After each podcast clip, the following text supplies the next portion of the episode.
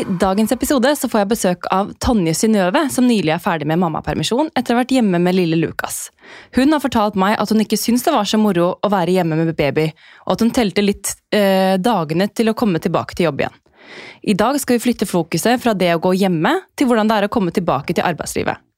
Det har vært noen rare år med covid og hjemmekontor, og nå er jeg spent på å høre hvordan Tonje har det. Velkommen til studio, Tonje. Tusen takk. Så hyggelig at du er her. Ja, det er hyggelig å få komme. Og takk for kaffen. Jeg ble jo påspandert en uh, islatte her på vei til eh, studio i dag. Ja, jeg skjønte jo at du hadde en litt tøff natt i går, så Ja. det er litt sånn uh, Man trenger det. That's life. Ja. Skål, da. Skål. Mm. Det er veldig hyggelig at du er her, Tonje. Det er lenge siden jeg har sett deg, egentlig, sånn prata ordentlig med deg. Veldig lenge siden. Men vi kjenner hverandre egentlig bare litt sånn gjennom sosiale medier, som jeg føler jeg gjør med mange av gjestene som er her. Ja, jeg husker at jeg møtte deg første gang, var vel stylist jeg venter gud vet for mange år siden. Ja, det, husker, det? det husker jeg. Jeg var til og med nominert. der. Aperol- Ja, du var det. Jeg var finalist. Med. Gjorde du det? Ja, Så ja. hyggelig. Så ble Det ble ikke mange- Nei. Men eh, sånn er livet. Ja. Vi skal ikke snakke så mye om stylister i dag. Vi skal snakke litt om eh, jobb og arbeidslivet og barn. For det er jo ting man må ta, ja, ta hensyn til når man eh, har barn. Um, så jeg tenkte å høre litt med deg hvordan du syns det er å være mamma. For du har jo en liten sønn på uh, han er syv måneder nå, Ja. og dette her kommer ut, så er han vel åtte. mm, shit. Ja. Tiden flyr. Uh, jeg, altså, flyr. bare mamma, jeg elsker det. Det er kjempekos. Men guri hvor mye jobb det er. Ja, det er det. Det er mer enn jeg trodde. Altså, man, den mammatiden er jo litt sånn glorifisert, syns jeg. Men uh, altså, det er masse kos, masse gøy, men eh, masse jobb. Det er det. Ja. Hadde du liksom, Hva er det største sjokket, tror du? Altså forventninger versus hva det er? Ja, altså jeg husker jordmoren min prøvde å forberede meg på liksom barnegråt. Det er ikke farlig, det går bra, altså de har ikke vondt alltid. Noen ganger så bare gråter babyer. Og jeg var sånn, ja ja, men det takler jeg liksom, det går fint. Men det er det verste jeg vet. Mm. Barnegråt er helt grusomt. I hvert fall når man har litt lite søvn og litt lite energi, og så hører du den barnegråten. Da blir man bare sånn «Åh». Ja, det var sånn et par ganger hvor jeg bare holdt for øra mine og bare tenkte nå må jeg bare telle til ti og gå ut. For at det er helt grusomt. Men har han grått mye, da? Ja. Han ville jo ikke ta pupp. Ville jo ikke det i det hele tatt. Og jeg hadde nesten ikke melk. Så hjalp det liksom ikke å pumpe, eller pumpe heller. Eh, så vi begynte jo tidlig med flaske. Og da skjønte jeg fort at han er sulten. Liksom. Han, er, han spiser jo som eh, Skrubbsulten Ja, han, altså, han spiser jo som en løve, liksom. Det er masse som går ned. Og det er jo bra, da. Ja. Eh, men så var det liksom den derre forventningen, da, ikke sant. At eh, ja, men jeg ville prøve å amme. Uh, og så prøver man jo det, for man blir nesten Jeg, jeg følte i hvert fall at jeg ble nesten litt sånn hjernevasket da jeg var på sykehuset. Om at liksom, hvis ikke du ammer, så er du slem, liksom, mot barnet ditt. Uh, og så prøver man jo alltid, ikke sant. Gi flaske, pumpe, prøve pipen. Ville jo ikke, ikke sant. Og han skreik jo så fælt. Hva slags oppfølging fikk du på sykehuset, da? Nei, eh, på sykehuset så fikk jeg jo til ammingen sånn tålelig ok. Og jeg fikk jo litt hjelp der. Og så før du skal hjem fra sykehuset, så ville de at du skulle se disse videoene. Og da ble jeg liksom, ja, jeg måtte se sånne videoer om liksom amming, og at eh, det er det beste for barnet ditt. Det Ikke så ikke jeg. Ah. Hvor er det du født hen? Kalnes. Mm. Ja. Altså, jeg er superfornøyd med sykehuset der ellers, men uh, når jeg da kom hjem, så var jeg sånn Nei, jeg skal amme. Og så fikk jeg jo ikke til det her. Man føler jo at liksom livet går i grus da, når du har denne babyen som skriker på brystet ditt. Og da var det bare sånn Nei, vi får begynne med flaske, da. Det jo, Hvordan føltes det, da? der og da så var det veldig tungt. Men det er altså Det blir jo barna de òg, ikke sant? Det Det er klart, det. går fint, det. Han øh, lever i beste velgående. Men, men øh, Så han tok liksom flasken med en gang da dere prøvde på det? Med en gang. Så han var så sulten. Så han drakk jo bare rett nedpå. Så, Ja. så bra. Ja. Men jeg syns det er liksom Det er litt lite snakk om dette med flaskebarn. Fordi det er litt som du sier at man eh, Ja, det er et slags press da fra mm. samfunnet om at liksom Ja, ja, vi har to bryst, og de skal man bruke som matfat, liksom. Ja. Og hvis, det husker jeg snakket en del med Maria om også, eh, da hun var i poden her. Men eh, det er sånn det, så, så, så lenge de får mat, da, så er vel det det viktigste. ja, og så har du en sulten baby, så klart skriker den. Livet Mm. blir jo ti ganger verre. Eh, så jeg måtte liksom ta meg litt selv i at ok, vet du hva, det beste for han, det er flaske. Altså, Samme om disse puppene mine har melk eller ikke. Men hva gjorde du med melken da? Altså, Nei, jeg mistet den med en gang. Ja. Jeg tror kanskje vi Jeg hadde melk en uke. Ja. Og så bare begynte det å gå nedover. Men det var jo egentlig like greit, da, hvis han fikk flaske, liksom. Ja. Men tar han smokk, da? Ja, ja. Men han tar ikke sånn vanlig smokk. Hva Han skal jo ha sånn derre, den Friggs, liksom. Den derre runde, som er sånn Mm. gammeldags eh, smokk. Ah, Så kun ha den. Alt annet skjønner han ikke, han bare spytter det ut. han litt, uh, litt egne meninger, han der lille egne- Lukas. Ja, han har uh... Bestemt som av mor. Ja, definitivt. Men uh, han er nå åtte, eller åtte måneder gammel når den podden her Mm. slippes. da. Vi forhåndsinnspiller jo, så nå er det jo, vi er jo midt i juli når den episoden her slippes. Ja. Eh, har du noen planer i sommer? Jeg skal bare jobbe, jeg. Skal jobbe. Jobbe, og så skal jeg reise litt til København, og ja. Å, Fader, den skulle vi tatt på slutten. ja. Vi dropper den. Vi dropper Vi den. dropper den. Men du, Tanne, du fortalte meg jo at det føltes liksom litt sånn tabu å si at du gledet deg til å dra tilbake på jobb. Mm. For nå er du jo ferdig med permisjonen din. Ja. Vil du fortelle litt om det? Ja, altså jeg er en person som elsker å jobbe. Jobb har alltid vært identiteten min. Det har vært den jeg har vært. Jeg har jobbet siden jeg var 16. Og det å da plutselig gå hjemme altså Jeg merket jo det veldig liksom under korona, og at liksom man Jeg trivdes ikke hjemme. Jeg liker det ikke. Og det å da plutselig være hjemme eh, på slutten av graviditeten, det var tungt. Eh, at kroppen sa stopp. Og så hjemme med baby. Og i begynnelsen så er det jo sånn Det er tungt, og det er et hardt kjør. Men etter hvert så ble det liksom Man føler seg nesten litt isolert, og jeg var flink til å være ute. Altså herregud, jeg tok jo med den babyen inn til Oslo Nå var det to uker gammel, kanskje. Jeg var ute og farta hele tiden. Men jeg liksom Det var ikke Jeg vet ikke, det var ikke meg å være hjemme i perm, føler jeg. Men har du alltid vært sånn at du liker å finne på ting, og Ja. du er litt sånn rastløs av person? Litt rastløs. Ja. Eh, og så liker jeg liksom den derre Jeg liker å jobbe. Jeg syns det er gøy. Komme deg opp om morgenen Ja. og dra på kontoret, liksom? Rutiner Altså, jeg er veldig rutinemenneske. Så jeg fikk jo rutiner på den babyen etter to måneder. Altså, det var bare sånn Nå skal, Sånn du skal du mat, nå skal du opp, nå skal du sove. Så, så når jeg kom litt sånn hesblesende for sent i dag, så ble du litt stressa? Nei da, det går bra. Ikke? Litt? Nei, nei, nei. nei. Litt? Satt bare og så på klokka. Jeg bare sånn, litt. fader, hvor blir det av hun der? Ja. Men, eh, men, eh, men hva, altså sånn, de du hadde, hadde du noen barselgruppe, da? Eh, jeg takket jo, takket jo nei til å bli med på det i begynnelsen. Mm. For jeg var litt sånn, ja, men jeg har jeg har mine venner, eh, og jeg har venner med barn, og jeg har familie rundt meg. Altså, takk og lov for de, eh, for de har hjulpet meg masse. Og så var vi på den fire måneders gruppekontroll. Og da møtte jeg de, og da var det liksom ok, men da blir jeg med på neste, neste møte. Var superkoselig. Hun bodde rett i nærheten av meg, så jeg trillet bare bort. Det var kjempekoselig. Så jeg hadde jo barseltreff hjemme hos meg for ikke så lenge siden. Og det var jo så hyggelig. Det er kjempekoselig å være rundt med mennesker som er i samme situasjon. Veldig. Men uh, da jeg spurte liksom, ja, når skal dere tilbake i jobb? Så var det liksom, nei, vi skal være ulønna hjemme, liksom. Og jeg tenker at jeg har heller lyst til å løpe på en vegg og slå meg, liksom, enn å være hjemme noen dager til, Mm. liksom.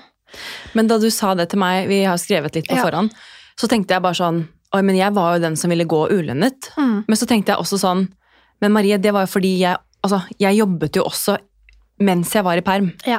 Så hvis jeg ikke hadde gjort det, Mm. så tror jeg at jeg kunne kjent meg mye mer igjen i det du Ja. sier. Fordi det er noe med å liksom Det er ikke bare det at jeg skal tilbake i jobb i seg selv, men det er det der å bruke seg selv til noe Mm. annet enn å, di, di, di, og liksom eh, bleier og Du blir jo egentlig helt ko-ko, fordi at du gjør de samme tingene hver eneste dag, og det er det eneste som skjer rundt deg, da, i din sfære, på en måte. Ja, jeg, altså, jeg mistet uh, tidsaspektet helt. Altså, jeg kunne, altså, det jeg måtte gjøre på slutten for å liksom hjelpe meg, det var en sånn Jeg måtte ha på musikk uh, hvis jeg skulle legge an. For at jeg klarte ikke å forstå om har jeg prøvd å få denne babyen til å sove nå i fem minutter, eller har det gått en halvtime. Jeg, Ja. jeg klarte ikke tenke selv hvor lang tid jeg har brukt på noe. For det bare det Nei, gikk så i eh, Ja. Og det var liksom, og det, det, noe jeg syntes var vanskelig, var at når jeg følte jeg hadde knekt en kode? Og endelig nå har jeg skjønt rutinen hans, nå har han endret mønster, eller liksom nå har jeg, nå har jeg fått det til, så, Så går det liksom en seg. uke, og så endrer det seg. Mm. Og det var det, altså jeg syns det var så tungt, for det, ble alltid sånn at igjen. Ja, hjernen jobbet alltid liksom, ok, men hva blir neste? Hva blir neste kjør? Når kommer neste utfordring? Hvordan kan jeg forberede meg til den? Uh, og som førstegangsmamma så vet man jo ikke hva man Du aner jo ikke hva du driver med. Nei, det Altså, er sant. man, det syns jeg også var vanskelig. At jeg ikke vet hva jeg holder på med. Det har jeg tenkt ofte på sånn derre Den dagen man eventuelt får et barn til, da, Mm. så er det sånn Shit, så mye jeg har lært! Og så bratt den læringskurven er. For at Ja. du, du, tar bratt, den, ja, du tar med deg den ungen hjem fra sykehuset, og du vet jo ingenting. Ingenting. Ja, nei, men når jeg kom hjem fra sykehuset jeg følte meg som superwoman. Jeg var litt sånn, Ingenting kan stoppe meg, jeg kan ta over verden nå. Ja. Eh, dette her blir piece of cake, dette liksom løser vi. Og så bare får du det slaget i trynet. For det blir jo ikke som man tror. Nei, det er det sant. Men eh, hva er den største, hva er den største overgangen da, fra å ikke være mamma til å bli mamma? Man har ikke den egentiden. Altså, jeg er vant til å liksom sitte og pusle med sminken min om morgenen, nyte en kopp kaffe, tusle med hunden, og brått sånn er liksom Ok, dropp sminken. Uh, må planlegge når jeg skal lufte hunden, fordi at jeg må ta med meg babyen og passe på at det passer med når han skal sove, og at han har spist. Og så. Altså, det at man kommer sist selv hele tiden, det var litt sånn rart. Og så, Vi var jo i en spesiell situasjon, for vi måtte jo flytte inn hos foreldrene mine pga. vannlekkasje på badet. Så oppi alt sammen. Ah, winning. Ja, så er det sånn der, De sier jo at liksom det å få barn er jo en livskrise. Eh, og det er jo det. Og så skal du midt oppi det flytte til foreldre i tillegg med en skrikende baby. Ja, du har fått kjørt deg. Ja. Eller dere. Vi har, vi har fått kjørt oss. Fordi det er litt sånn derre Alt er jo litt sånn unntakstilstand, da, fordi man prøver å få dagene til å gå og prøve å bli kjent med det barnet her, da. Mm. Og så skal man og så har man seg selv, og så må man Mm. bare få det til å gå opp. Men hva er det du har gjort da, for å liksom ta vare på deg selv? Altså, Eh, jeg har jo en mann som er helt fantastisk. Han har stått opp med Lukas når jeg har hatt en heavy natt, eller hvis han har sett at jeg har vært litt sliten, kommet hjem fra jobb med sjokolade til meg, vi har kjøpt eh, altså, brett på brett med Red Bull for å ha hjemme. Wow. Gi meg vinger! Ja. Eh, og han har liksom støttet meg mye. Og så har jeg jo foreldre og svigerforeldre som er helt nydelige. Som har også hjulpet mye.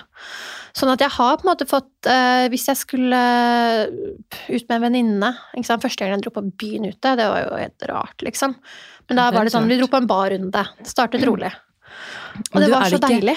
Er det ikke litt gøy å tenke på at liksom man er mamma, men så er man liksom seg selv òg? Skjønner du hva jeg mener? Men jeg føler liksom når jeg, når jeg drar hjemmefra og liksom ikke er med, med Lukas, så er jeg liksom ok, men nå er jeg gamle Tonje igjen, liksom. Ja. Eller hvis jeg er på jobb nå, altså jeg har hatt en uke nå når jeg har vært i jobb. Helt nydelig. Mm. Altså jeg har hatt så mye energi og liksom bare følt at ok, nå kommer jeg ut av den funken jeg har vært i de siste ukene. Uh, hvor jeg liksom bare har telt dager på liksom Nå skal jeg tilbake i jobb. Nå er det litt nærmere. Litt nærmere. Nå er det bare noen dager igjen. Men nå er det mannen din som er hjemme i perm. Mm. Hvor lenge skal han ha perm, da? Han har vel permisjon ut ja, til september en gang, og så har han tre uker ferie etter det. Og da er det barnehage etter Da er det barnehage. Det blir spennende. Det gleder jeg meg til. Så du, du er rutinemenneske, og du gleder deg til liksom til han skal begynne i barnehage, for det blir liksom Ja. en annen Det blir en annen livsstil. Mm. Det gjør jo det. Jeg merker sånn Da Olivia skulle begynne i barnehage, så syns jeg det var på en måte litt sånn skrekkblandet fryd, da. Fordi jeg gledet meg veldig på hennes vegne til hun skulle få venner, lære Altså, de lærer jo ekstremt mye i Mm. barnehagen. Eh, men det er jo det derre å gi slipp som jeg syns var litt eh, vanskelig. Ja, jeg, for meg så har ikke det vært så vanskelig, i hvert fall hittil.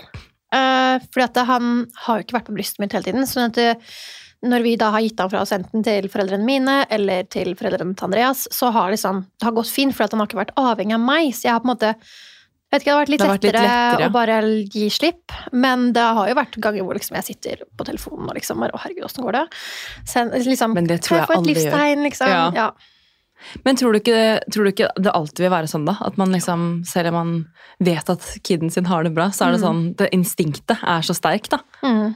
Det beste jeg vet, er jo hvis jeg står på jobb nå og får liksom snapper av mannen min av Ja. Lukas, og at han koser seg, og liksom Da kan du slappe av. Da senker skuldrene litt, grann, Mm. og så får man litt sånn endorfiner av de søte bildene. Koselig. Mm. Men jeg, jeg, jeg tenker liksom på deg og meg eh, litt sånn parallelt her, da, fordi jeg kjenner meg veldig igjen i det der å glede seg til å på en måte få litt seg selv tilbake, og det med jobb. Men jeg tror også at jeg fikk det fordi jeg jobbet mens jeg hadde perm. Mm. Jeg hadde jo eh, sånn, hva heter det, gradert eh, permisjonspenger fordi jeg jobbet ja, x antall prosent i uka. da. Ja. Og da fikk jeg jo liksom inn jobben gradvis hele tiden. Så jeg Ja. følte liksom at ok, nå hadde jeg en liten pause, var på en shoot for eksempel, eller vi spilte inn en samarbeid mens Georg hadde Olive, og da, da ble det på en måte en litt sånn smoothere overgang. Men hadde jeg ikke hatt noe av det, så blir du veldig sånn, da er du bare baby da. Eller bare, ja, det er liksom sant? bare baby, og så pangstart på jobb, liksom. Ja, Altså, jeg har jo vært flink til å ta litt pauser, og liksom ok, nå må jeg ta vare på meg selv. For at det her så går fint, liksom. Uh, og jeg har dratt inn til Oslo og tatt, lagd, altså, for å lage content med søsteren min til Instagram. Og liksom, ok, Det er liksom kosedagene våre, hvor vi tar en god lunsj. liksom. Gjør det hyggelig ut av det. Ja, nyter litt, da. Litt den barnefrien. Er det, men det er alltid deilig når jeg kommer hjem igjen da. Altså, den første Mm. gangen jeg dro på jobb nå, og liksom kom hjem til Lukas, det var jo det beste. Altså, det var så hyggelig.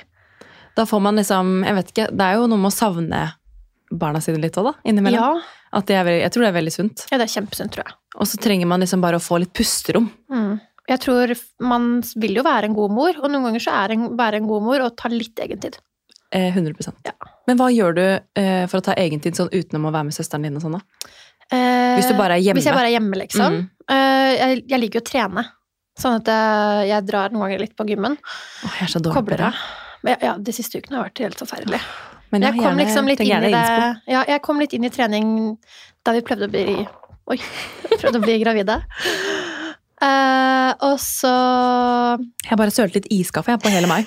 Men ikke tenk på det. meg. Det kom heldigvis ikke på den hvite T-skjorten. Nei, skål.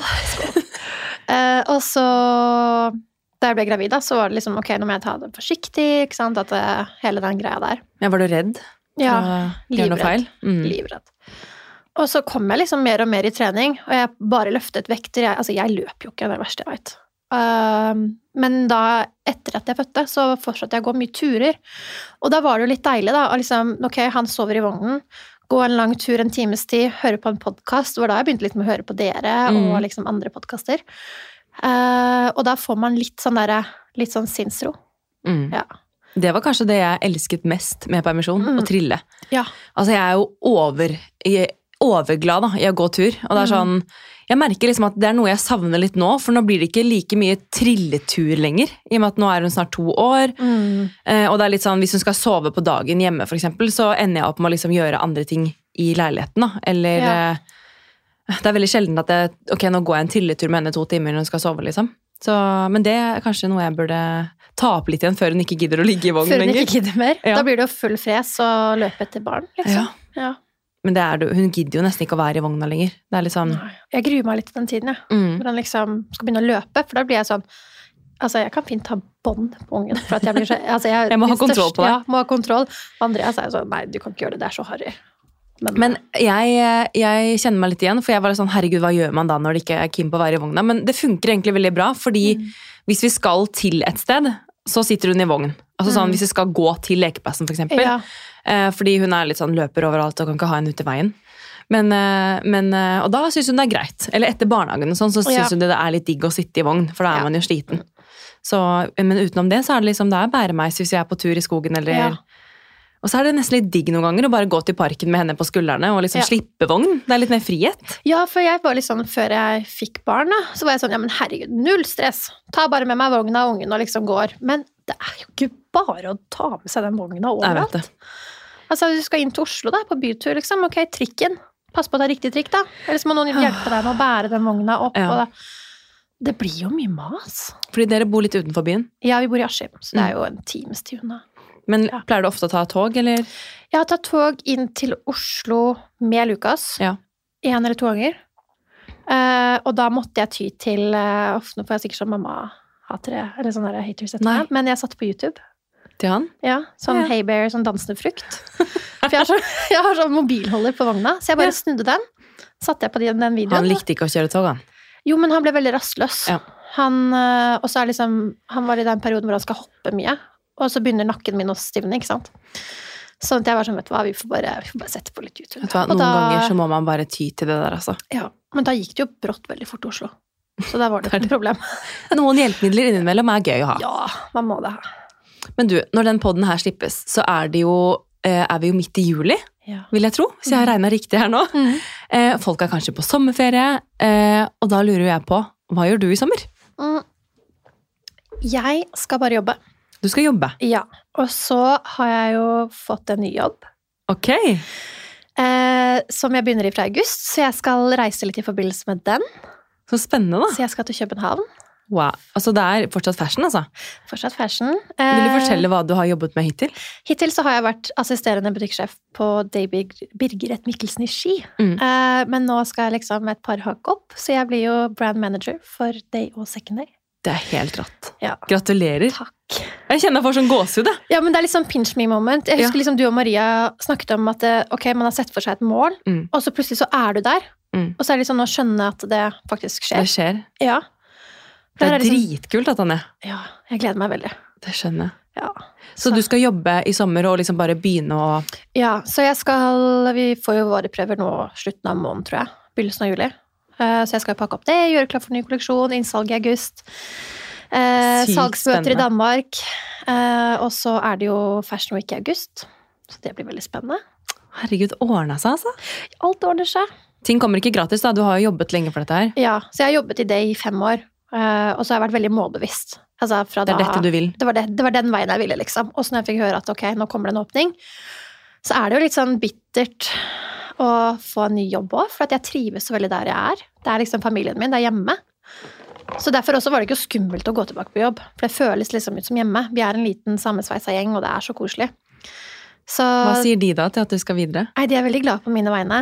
Herregud. Dem, eh, det var noen av jentene som sa til meg forrige uke nå at eh, ja, men vi visste jo at du måtte videre. Mm. Altså, du, du kan mer, du må mer. Og da var jeg sånn, det er, jo- det er, Det er hyggelig, veldig liksom. hyggelig, Ja, og da føler jeg at da går det i hvert fall riktig vei. Absolutt. Ja. Men hva, hvordan har du liksom jobbet for de målene, da? Altså, jeg har vært veldig målbevisst. Eh, da jeg var eh, altså 14 år gamle Tonje, har jo liksom alltid hatt lyst til det her. Mm. Eh, og jeg begynte jo å jobbe i klesbutikk da jeg var 16, på Ginatrico. Eh, og da var det i forbindelse egentlig med en sånn arbeidsuke på ungdomsskolen. Så jeg, liksom, jeg startet med målene mine fra ungdomsskolen. Og da var det sånn, ok, men jeg vil, Gina Tricot var liksom den kuleste butikken, og jeg digger fortsatt Gina. Eh, Ja. Fikk arbeidsuke der. Og så fikk jeg da spørsmål om For jeg skulle egentlig bare jobbe der mandag til fredag, og hun var sånn ja, men vet du hva, vi har krise på lørdag. Kan du bare komme og hjelpe? Jeg kan ikke lønne deg. Eh, Du får ikke stått i kassen, men kan du bare komme og hjelpe til? Jeg var sånn, ja, det er jo den kuleste butikken. Jeg syntes det var fett å være der. Så da kom jeg, da, og da den lørdagen så var det sånn, ring meg når du blir 16. Jeg har jobb til deg, for da var jeg 15. Og da begynte jeg der. Var der til fra 2012 til 2015. Og så 2015 så begynte jeg i en veldig fin skobutikk i Sandvika som het Shubalu. Den er ikke lenger, dessverre.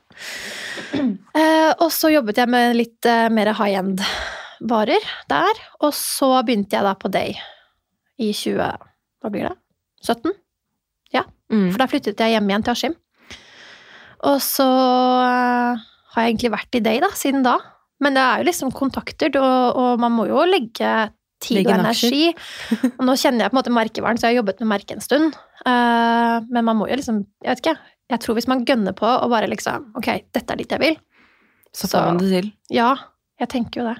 Men det er veldig fint at du har, har så mye erfaring med merkevaren også. Mm. Og det er det som sikkert slår deg Altså, som slår ut andre Ja. eh, kontra deg, da.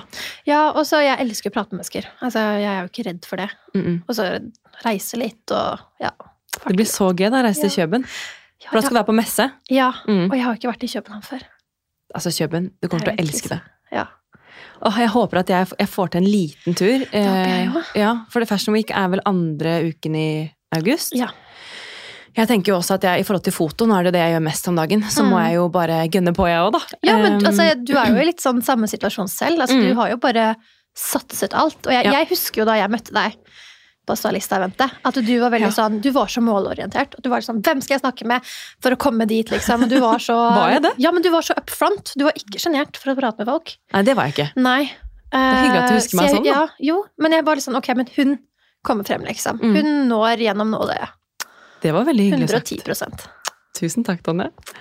Nei, det er veldig stas. Jeg, eh, jeg tenker jo liksom sånn Jeg har jo alltid hatt en drøm om å jobbe med foto, og det er litt sånn ja, litt sånn der, Shit, nå gjør jeg det, på en måte. mm. Nå tar jeg bilder, og det er liksom det jeg tjener penger på. Og det er liksom sånn derre Man tenker jo ikke at det er jobb, hvis du skjønner. Når man Nei. gjør noe man liker. Det er akkurat det. Men det er litt skummelt òg, for at da ender man opp med å jobbe veldig mye. Mm. Eh, Nå får jo du også veldig mye mer ansvar eh, i den jobben du skal inn i. Absolutt. Hvordan tenker du at du skal skille mellom jobb og mammaliv, da? Det var det, da. Mm. Altså, jeg, er jo, jeg er ikke god på å skille privat og jobb. Men man må jo på en måte kanskje være flinkere til å være litt mer i nuet når man først er hjemme, og med, med Lukas, da. At jeg utnytter helger og, og når jeg kommer hjem fra jobb. Mm. Jeg føler kanskje at det er litt lettere når man er ute en hel dag, da, og ikke Ja. ser barnet sitt, eksempel. At man eh, I hvert fall faller det veldig naturlig for meg å liksom da gi, paye mer attention da, når man kommer hjem. Men så er det jo selvfølgelig dager man er dritsliten og bare legger seg litt på sofaen mens hun leker rundt, liksom, og det må være greit, det òg. Hun er jo sliten etter barnehagen, hun òg, Ja, liksom. absolutt. Det var jo sånn, når jeg kom hjem i går, så var det sånn Han var fortsatt våken. Jeg tenkte at ok, men han har lagt seg. Mm. Og så kom jeg hjem, og så er han fortsatt våken. Det var jo ja. lykkelig, liksom. Det er noen ganger man kommer hjem og bare sånn Skal jeg vekk? Nei, jeg skal ikke, selvfølgelig ikke Nei, vekke henne. Men du har lyst til å bare ta de opp og bare mm, kose. Mm. Åh, men eh, det er så spennende med den jobben din. Jeg gleder meg skikkelig til å følge med. ja. Hvor lenge blir du i København, da?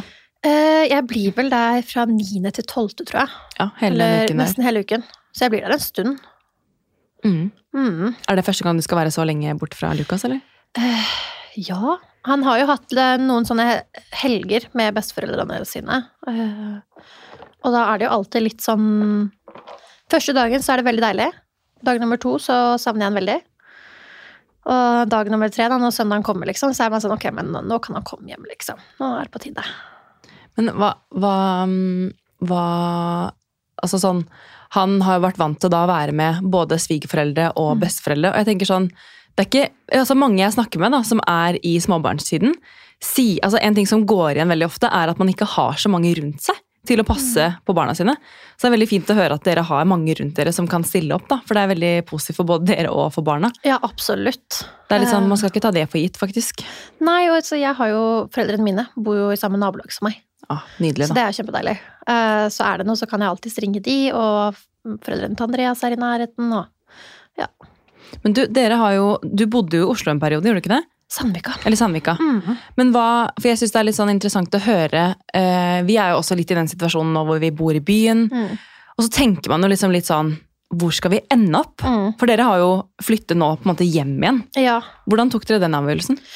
Jeg var veldig på at uh, Altså, jeg planlegger jo mye. Uh, så jeg hadde jo satt meg da så klart mål da, som jeg skulle klare innen 25. Og det var jo Innen du var annet 25? Eller Ja. ble 25? Ja. Eh, og det var jo blant annet sånn som karriere og jobb, og at jeg ville ha barn og gifte meg før jeg ble 25. Og jeg fikk jo til alt. Eh, Det er men tidlig, var, altså. Ja, men det var liksom Jeg ville bli en ung mor. Ja. Eh, og så var jeg veldig på at jeg ville ikke ha barn i byen. Rett og slett fordi jeg bare trivdes veldig der hvor jeg vokste opp, og jeg vil ha familie rundt meg. Og jeg veit, eller nå vet jeg, hvor krevende det er å ha barn. Og hvor avhengig av hjelp jeg er eh, for å få da, ja, hverdagen til å gå, da. Sånn at eh, hvis jeg skulle flyttet lenger unna, så hadde det blitt vanskeligere. Mm. Ja, det er litt sånn, Vi bor liksom litt midt imellom. Mm. Eh, Georg er fra Lørenskog og jeg er fra Drammen, så det blir litt sånn, Ja. vi møttes litt på midten. Mm. Men det er litt sånn nå at vi, vi bor jo midt i byen og Ja. trives veldig godt med det, men vi begynner jo å kjenne mer og mer på det der at hadde vært lik med en liten hage, liksom. Mm. Eller man begynner å kjenne på at liksom man bruker ikke byen like mye lenger, og har kanskje ikke det samme behovet som man hadde Nei. før, uten barn. Det er akkurat det. Jeg husker når vi flyttet ut av, uh, ut av Samvika, da, som er ganske nærme Oslo, og liksom hjem til Askim, så var det liksom ikke like enkelt å bare dra inn på byen i Oslo og liksom møte venner og, og farte så mye. Men uh, vi var jo veldig flinke til å invitere folk hjem, da. Yes, Ja. det er det. Og det føler jeg er liksom litt hyggeligere òg. Ja, jeg elsker å arrangere middager, ikke sant. Vi har jo brukt huset vårt masse til det, og vi har jo alltid hatt sommerfester og ja. Jeg Jeg føler det er et sånn eh, sosialt par, egentlig. Vi er ganske sosiale. Mm. Uh, vi har lenge vært veldig sånn at uh, vi har alltid hatt 17. mai-frokost hos oss, for eksempel. Og det blir jo litt annerledes nå med barn. Altså, jeg kan ikke ha den eh, Men hva gjorde dere i år, da? eh, Vi hadde Vi eh, feiret holdt på med venner, da, 16. Mm. Sånn at jeg hadde en liten hodepine 17. mai. Ja, ja. Men da var jo Lukas sov jo da hos mamma og pappa natt til 17. Eh, og så hentet jeg han om morgenen, og så gjorde vi oss klare. Og så var det opp og se på tog, og så hjem igjen og spise pølse, og så var vi ferdige, egentlig. Hyggelig, da. Det var noe ja. Det blir litt annet med barn. Det blir noe annet, fordi at for Mm. liksom to år siden da, så hadde jeg promille klokka ni, liksom. Ja, man det var, man, man startet jo dagen med champagne, og jeg var veldig sånn at eh, når jeg skal ha champagnefrokost hjemme, så var det sånn, ok, Da kommer man må all in. ja, folk får komme klokka åtte, liksom. Da Ja. spretter vi champagnen, da begynner vi dagen. Og så var holdt vi det gående hele dagen, ikke sant? Det er så sykt. Nå er det sånn, gi meg to orka. glass, og jeg har nesten hodepine dagen etter. Ja, men det Det er noe helt annet. Ja, vi var jo borte nå i helgen, da. Uh, og jeg merker jo at uh, man er ikke 19 år lenger. Nei, ble det mye... Hva gjorde dere i helgen? Uh, vi var i bursdag. Bursdagsfeiring. Ja, sånn utklednings... eh, Ja, det så Ja. jeg jo. Herregud, gøy. Ja, det var kjempemoro. Og hver gang når man tar på seg noe annet enn sine vanlige klær, så føler jeg at festen får en litt annen tone. Ja, og så alle gikk så all in på Mm. kostymer, så det var så moro. Men altså, jeg sovnet jo vel jeg, får- jeg, jeg trodde ikke jeg sovnet så tidlig, men jeg sovnet klokken ni på festen. På festen. På festen. Ja. Da var mor klar for å ta seg litt av napp. Var Litt trøtt. Herlighet. Men, men kjæresten din, han også, eller mannen din, Ja. eh, for dere har vært gift snart i tre år, ja. det er imponerende.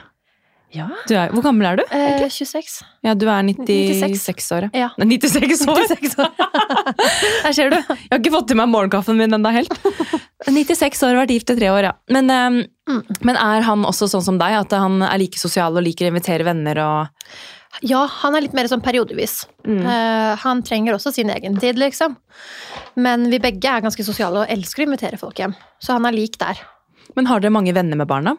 Uh, vi har vel to-tre vennepar. med Fordi det, sånn er det litt i vår vennegjeng. Eller sånn Jeg føler egentlig ikke at jeg har noen vennegjeng-vennegjeng lenger. Jeg har liksom veldig Mhm. mange forskjellige venner. Ja, jeg har følt på det samme ganske lenge nå. Ja. Eh, men de siste året, eh, kanskje tre årene, to årene, så har vi liksom fått en liten sånn god klikk. Ja. Men i den klikken så er det jo på en måte bare jeg og Andreas som har barn, på en måte. Hvordan syns Eh, dere det er, da? Det går egentlig helt fint. De er ganske støttende, så de har liksom alltid vært på en måte med. Mm. De var der alle sammen samlet da jeg fortalte at vi ble gravide. Eh, Både første og andre gangen. Eh, Og så har de liksom Ja, de har vært til stede, da. Når du sier første og andre gangen, vil du fortelle noe om det i poden? Ja, det kan Ja. jeg. For du har vært litt åpen om det i dine kanaler på Instagram. Ja. Eh, vi hadde jo et svangerskap før Lukas. Og det var jo sånn fairytale-svangerskap, føler jeg. Uh, startet meg som det. For jeg ble jo gravid på bryllupsnatten. Så det kunne jo på en måte Det var jo sånn perfekt uh, Perfekt sommer. Eh, og så gikk det jo gærent.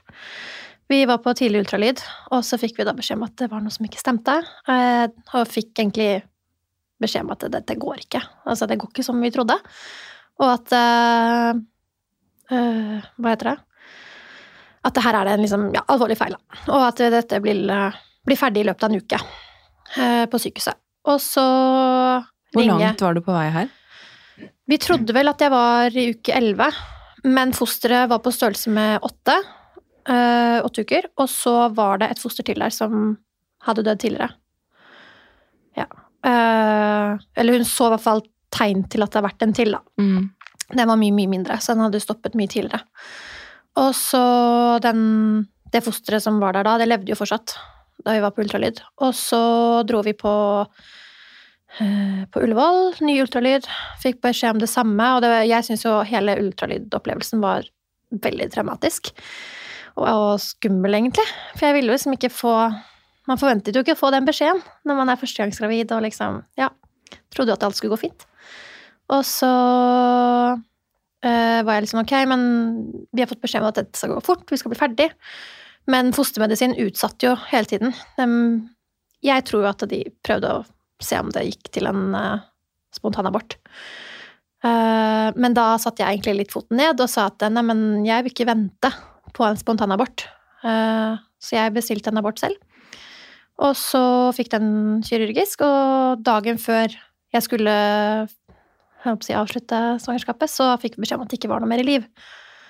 Sånn at da hadde det blitt en Stoppet. Ja, det hadde stoppet. Så det var jo helt riktig avgjørelse for oss. Um, men vi fikk også da svar på at det var en kromosomfeil, uh, som var feilen, på en måte. Ja. Og etter det så sleit jeg jo veldig med å bli gravid igjen. For kroppen min gikk jo full liksom, jeg vet ikke, panikk. Altså, alt bare satt igjen i kroppen min. For det her er jo da Hvis dere har vært gift nå snart i tre år, så er det da tre år siden. Mm. Så vi brukte jo nesten to år på å bli gravid igjen. Ett og et halvt. Hva gikk gjennom hodet ditt da, rundt den aborten her? Eh, I begynnelsen så var jeg, når vi kom hjem da, og i bilen ringte liksom foreldrene våre, og liksom nei, dette går ikke bra. Det var jo ingen som trodde på oss. Liksom. Eller altså, de, de trodde jo på oss når vi sa det, men det var liksom ingen som trodde at det skulle gå denne veien, på en måte. Uh, og da var jeg første dagen så var jeg veldig sånn med godt mot. Litt sånn ja, men uh, nå blir vi ferdig. Bare å prøve igjen, liksom. Mm.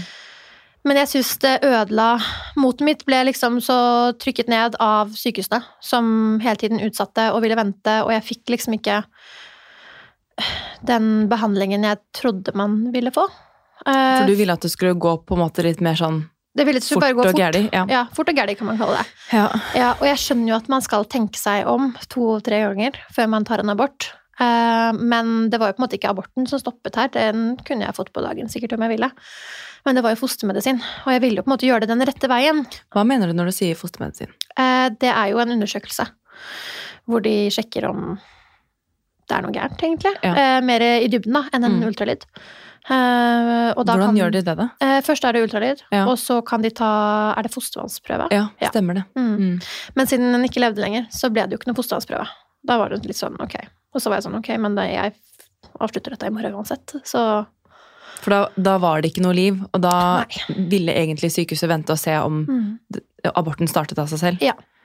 For hadde, det, hadde ikke vi tatt den tidlige ultralyden, så hadde det jo gått til en spontanabort. Uansett. Ja. Men det som er skummelt, er, er jo at da trodde jo jeg at jeg var lenger på vei når vi tok den tidlige ultralyden. Så da kan det jo være at jeg allerede kanskje hadde lagt ut på for eksempel Instagram det. At uh, yes, vi er gravide.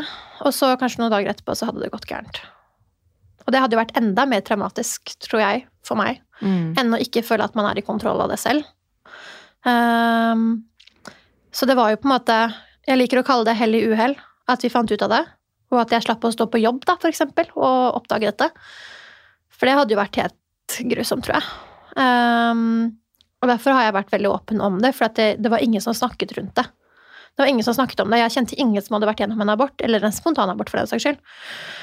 Annet enn en tidligere sjef, liksom. Men man er jo ikke sånn nære med dem. Men det Når- føler jeg det er det som går igjen når man snakker med folk som har opplevd en abort, er at man føler seg veldig alene, og Mm. at det er veldig få som prater om det. Og så er det kanskje liksom hun du sitter ved siden av på bussen, eller hun Ja. du går forbi på jobb. Altså Det er flere enn man tror som har opplevd det, men som kanskje ikke tør å prate om det, eller føler at det er et nederlag, eller Ja. syns det er rett og slett for sårt. da. Ja, og det er eh, Altså, å prate om det hjalp i hvert fall for meg og min syke.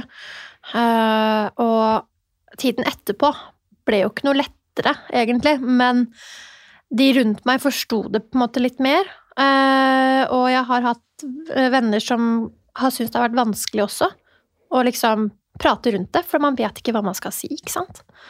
Og det er jo å da ha en, heller en åpen dialog, da, enn at folk plutselig bare blir stille. Det er nesten verre. Ja, det er nesten verre. Eh, hvis folk bare plutselig blir borte, for de vet ikke hvordan de skal håndtere at noen nære går gjennom noe vondt. Eh, så derfor var jeg veldig på at nei, men ingen prater om det her, da får jeg prate om det. Ja, for jeg husker jo, Nå begynner jo det å bli noen år siden, det Ja. er jo tre år siden, men jeg husker veldig godt at du var åpen om det på Instagram. Hvordan var responsen da? Den var enorm. Altså, jeg fikk så mye meldinger. Altså, i årene etterpå. Det var ikke bare rundt den tiden. Uh, av jenter som var livredde for å bli gravide. Fordi at det plutselig så kunne det gå gærent. Og jeg husker en jente sendte melding til meg og bare Jeg har ti venninner som har gått gjennom spontanaborter. Jeg er livredd. Altså, hvordan skal vi håndtere det her? Og så ble jeg litt sånn at Ok, men har du, du har ti venninner som har gått gjennom det her. Det er jo et tydelig tegn på at det er normalt. Det er jo Nettopp. ikke Hvorfor prates det ikke mer om, ikke sant? Uh, og jeg, derfor tenker jeg at eh, det er viktig å prate om. Og sette fokus på. Men samtidig liksom at man kan også lære av, av andres opplevelser, ikke sant? Å vite at det ikke er så øh, Hva skal jeg si? Nei, jeg vet ikke. Å bare vite at man ikke er alene, kanskje. Ja, og det var sånn, jeg fikk melding av en jente som hadde også vært gjennom mye av det samme som meg. Litt den samme rekkefølgen, egentlig. Og så gikk jeg liksom innom profilen hennes for en stund siden, så så jeg at hun var gravid og skulle snart føde. Og da ble jeg så, jeg ble så glad innvendig, for da ble jeg sånn åh, nå, nå løste det seg for henne også, på en måte. Mm. Uh, men jeg tror mentalt for mange så er det tøft. Det å miste, det, det er jo et uh, tap uten å ha hatt noe fysisk, egentlig. Mm. Uh, Det blir jo er- tank, altså tapet på tanken Ja, om det barnet, eller de barna, da. ja. Og så alle forventninger man har på de få ukene jeg visste at jeg var gravid. Altså Man legger jo liksom planer for resten av livet brått, ikke sant. Og vi fortalte venner, vi fortalte familie. Eh, så det ble jo på en måte en ganske sånn dyp sorg, og så må man jo gå videre en gang, da. Ikke sant. Så det, den er vanskelig. Men eh, fra dere da mistet til du ble gravid igjen, så tok det ca. to år. Ja, ett og et halvt, tror jeg. Et og et halvt. Hvordan Ja. var den tiden for dere? Den var tøff. Eh, gjennom korona, eller 2020, så var man jo mye hjemme, ikke sant? Og da var det litt sånn, ok, hva skal man gjøre da? Og altså, jeg er såpass ærlig om det at eh, jeg drakk mye da. For at eh, jeg klarte ikke å håndtere med mine egne følelser. Det var en tøff tid. Eh, ikke at jeg har noe problem med alkohol, liksom, men det var liksom, det var vanskelig å håndtere. Og så Du slukket sorgene litt med Lite grann, på en måte, med liksom? litt fest og venninne, liksom. Ja. Mer enn vanlig. For jeg drakk jo nesten aldri før. Og så Var det noe som på en måte altså, Var det noe som var bra i den form at du kom deg ut og fikk tenkt på noe annet, eller gjorde det egentlig verre? Det gjorde det på en måte egentlig litt verre. Fordi at uh, den perioden Jeg var jo ikke, jeg var jo ikke lykkelig. Jeg var jo ikke glad. Uh, selv om man legger ut uh, happy poster på Instagram liksom, og koser seg med venninner, så var jeg jo ikke lykkelig. Jul og bursdag, så var det liksom det eneste jeg ville ha, det var det barnet. Jeg brydde meg liksom ikke om noe annet. Det var liksom Du ble var, nesten litt sånn obsessed med å bli, gravid. Ja. Ja, og jeg gjorde alt, ikke sant. Altså, man leser og tester og ja. Altså Hva gjorde du da? Uh, vi prøvde jo, ikke sant, eh, på, for harde livet. Og eggløsningstester, alt. Men syklusen min etter aborten var jo helt uh, på kjøret. Så jeg visste jo aldri når jeg hadde eggløsning. Og så var vi en, den høsten Hva blir det da? 20... 2021? Nei. Høsten 2020 Mm. Blir det, for det hadde gått et år snart. Og da var jeg hos en gynekolog, bare for å sjekke at det ikke var noe gærent med meg. ikke sant? Og hun var sånn, 'Nei, men her er alt fint. Det er ikke noe problem med deg. Men uh, hvis ikke du er gravid innen januar neste år, så, så ringer du meg. Så begynner vi med hormoner. Og så da, uh, januar 2021, så var jeg da fortsatt ikke gravid, trodde jeg. Og så februar, fortsatt negativ test. Og da var jeg for sein, ikke sant? veldig sein, og fikk håpet opp. ikke sant? Og da i januar 2021 så begynte jeg å trene, få tankene over på noe annet. Ikke sant? Jeg fikk mestringsfølelse i gymmen, liksom. Eh, og da tror jeg det slapp litt for meg da. Så jeg ble jo gravid eh, januar-februar en gang. Uten at du visste det, på en måte? Uten at jeg visste det. Eh, for da var det liksom ok, men nå gir jeg snart opp, liksom.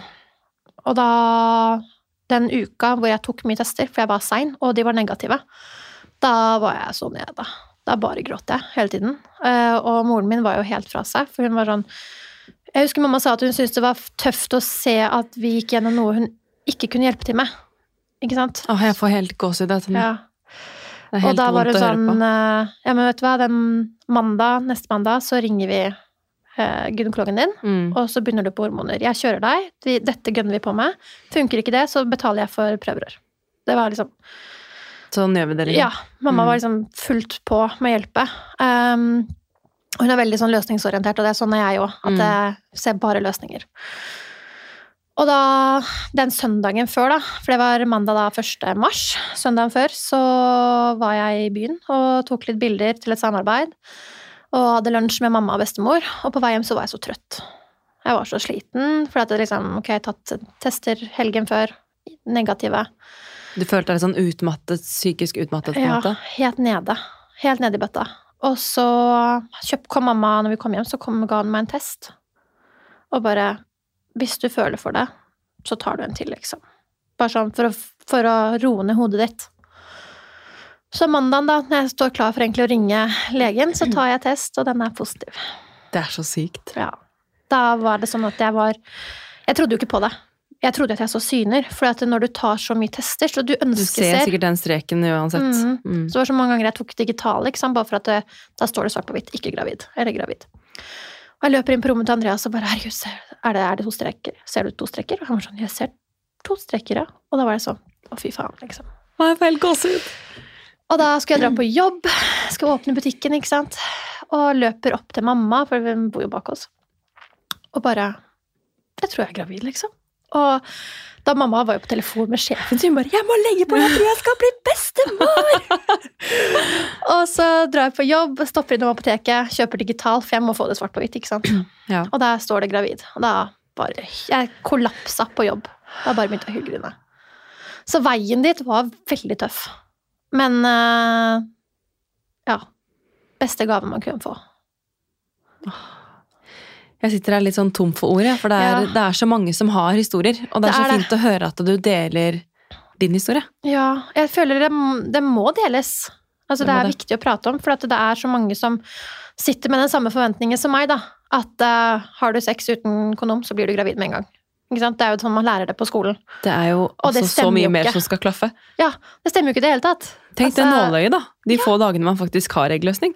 Ja, og det er jo, man lærer jo på en måte ikke så i dybden egentlig om hvordan man skal bli gravid, og hvordan en prosess hvis man ikke kan bli gravid er.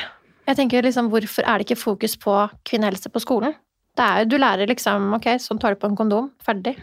Ja, Du lærer ikke hvordan, hvordan tar du eggløsningstest, hvordan finne ut hvor du er i syklus, hvordan vite når du egentlig skal ligge for å kanskje mm. ha en mulighet til å bli gravid. da. Ja. Og det er jo så mange som sliter. Man er jo liksom bare én av en million, føler jeg. Sånn det det, det triste er jo at eh, historien min er jo ikke unik. Det er jo 100 andre som sliter med det samme. Mm. Men du, Tanne, tusen takk for at du kom til studio og delte både din historie og at du ville fortelle litt om jobb og karriere fremover. Jeg ønsker deg masse, masse lykke til, og fortsatt god sommer. God sommer. Så håper jeg du koser deg litt mellom eh, jobbingen òg. Det skal jeg. Og så håper jeg vi ses i Kjøben. Det håper jeg òg. Ja. Takk for nå. Takk for nå. Ha det!